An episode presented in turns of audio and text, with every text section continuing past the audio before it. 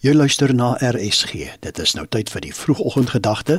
Volgende aangebied deur Dr Arnold Mol, skrywer en motiveringsspreker van Pretoria. Goeiemôre. Dit is nie die groot gebeurtenisse wat ons karakter vorm nie, alles hulle hoe traumaties. Nee, ons karakter word gevorm deur die daaglikse keuses wat ons maak, meestal onbewustelik. Die keuses waaroor ek vanoggend wil gesels, is 'n uiters kritiese een want dit vorm dikwels die basis vir al die ander keuses wat ons maak. Ons moet kies of ons gedrag bepaal gaan word deur gevoelens of geloof. Ons ervaar almal 'n wye verskeidenheid van gevoelens of emosies. Die lewe sou verskriklik vervelig gewees het as ons nie liefde, vreugde, vrolikheid ensovoorts ervaar het nie. Maar ons ervaar ook vrees, angs, depressie, woede ensovoorts. Emosies is 'n integrale deel van ons lewe. As ons egter toelaat dat ons emosies die goewerneur van ons gedrag word, stuur ons op groot probleme af.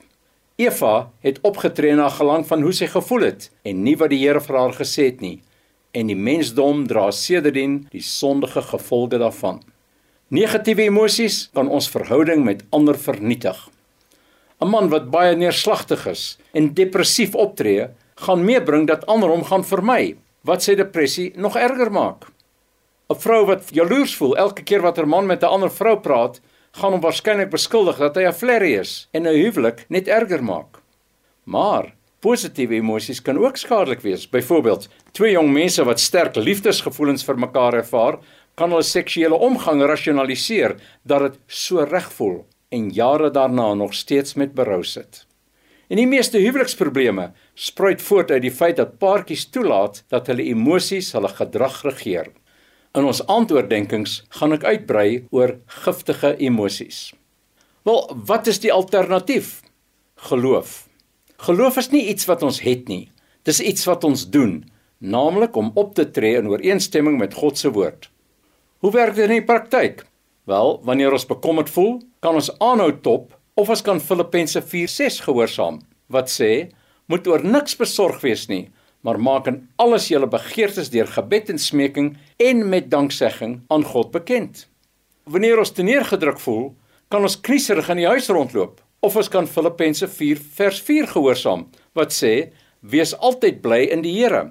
Ek herhaal, wees altyd bly. En let wel, ons moet bly wees in die Here, nie in ons omstandighede nie. Nog 'n voorbeeld is wanneer iemand ons seer gemaak het, kan ons 'n grief teen hulle koester Of ons kan Kolossense 3:13 gehoorsaam wat sê wees geduldig met mekaar en vergewe mekaar as die een iets teen die ander het. Soos die Here julle vergewe het, moet julle mekaar ook vergewe. As ons nie in ooreenstemming met God se woord optree nie, beteken dit eenvoudig dat ons nie glo wat hy sê nie en ons kan dan die beweer dat ons gelowiges is nie. Dit was die vroegoggendgedagte hier op RSG, aangebied deur Dr Arnold Mol, skrywer en motiveringsspreker van Pretoria.